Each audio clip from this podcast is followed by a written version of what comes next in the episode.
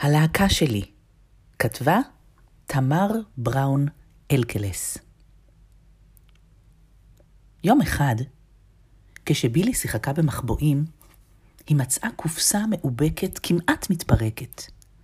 בתוך הקופסה היו תמונות ישנות של אמא, מתופפת על תופים, וסביבה עוד נגנים.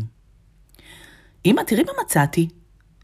אלו תמונות מימי הלהקה שלי, התרגשה אמא. איך זה להיות בלהקה? הסתקרנה בילי. זה היה נפלא. זרחו פניה של אמא. כתבנו שירים יחד, ניגענו, רקדנו, והופענו בפני אנשים שהגיעו במיוחד כדי לשיר וליהנות איתנו. בערב, לפני שנרדמה, ביקשה בילי מאימא שתספר לה עוד על הלהקה. היא הקשיבה מרותקת, עד שעפעפיה צנחו בכבדות, ולפתע בילי הופיע על במה ענקית ומוארת. הקהל שר ורקד בהתלהבות ומחא כפיים בקצב, וליבה פעם באושר יחד איתו. למחרת בבוקר מיהרה בילי לגן. מי רוצה להצטרף ללהקה שלי? קראה בקול מיד כשנכנסה. אני! צהל יונתן. אני רוצה להיות המתופף. אי אפשר, ענתה בילי, אני המתופפת. אתה יכול לנגן בגיטרה. יונתן הסכים, ושניהם יצאו לחפש כלים מתאימים בחצר. בילי מצאה סירים ישנים וכף, ויונתן צייר בטוש מיתרים על קרש מעץ. גם אסיה ועוז ביקשו להצטרף. ובילי הסכימה. את תנגני בחצוצרה, ואתה בפסנתר. אט-אט התאספו סביבם עוד ילדים. תראו, יש לנו קהל! שמחה בילי. אבל מי ישיר את השירים שננגן? שאל עוז. נעשה מבחן קבלה, אמרה בילי.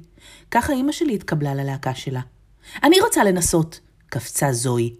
אני שרה יפה במקלחת. היא עצמה את עיניה ופצחה בשיר. כשסיימה, המתינה בדריכות להחלטה. בילי הרהרה בכובד ראש, ולבסוף הכריזה. התקבלת. אך כשהחלו לנגן, לא הפסיקה זוהי להתלונן. אולי נחליף את השיר, אני בכלל לא אוהבת אותו, רטנה. אי אפשר, כבר בחרנו וזהו, השיבה בילי נחרצת. את בחרת, התקוממה אסיה. למה רק את מחליטה? כי הלהקה הייתה רעיון שלי, התעקשה בילי. למה הפסקתם לנגן? תמשיכו, פקדה על יונתן ועוז. את כל הזמן אומרת לנו מה לעשות, התלונן עוז. אני לא, התרכזה בילי. את כן, השיבה זוהי. מי בעד להופיע בלי בילי? קראה והניפה אצבע באוויר. מיד הצטרפו אליה אסיה, יונתן ועוז. כולם הביטו בבילי, שהסמיקה ושתקה. זאת הלהקה שלי. אתם לא יכולים להחליט בלעדיי, אמרה לבסוף בקול רועד. דווקא כן, הכריזה אסיה. טוב, בלעה בילי את הדמעות, בכלל לא אכפת לי. הלהקה שלכם תהיה גרועה. בילי רצה אל צידה השני של החצר. מי צריך אותם בכלל? מלמלה לעצמה. היא חיטטה בין החפצים שהתגלגלו בסביבה, ומצאה קערה סדוקה לתופף עליה, וקרטון קצת מקומט שממנו הכינה גיטרה ופסנתר. אבל כשהחלה להתאמן, גילתה בילי שלא פשוט לתופף, לנגן בפסנתר ולפרוט על הגיטרה בו זמנית.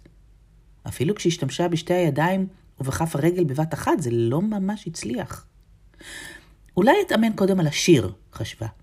אך במהרה גילתה שהיא לא מצליחה לזכור את כל המילים. גם לשיר לבדה בשני קולות היה בלתי אפשרי. לפתע שמעה את הלהקה מנגנת.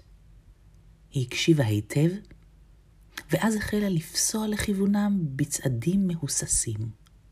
הילדים שרו, רקדו והשתוללו עם כלי הנגינה.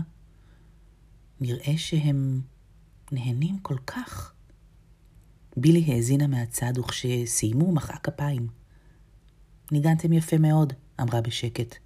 באמת? התלהב יונתן. אה, כן, הנהנה בילי במבוכה. אולי תצטרפי אלינו? הציעה זוהי.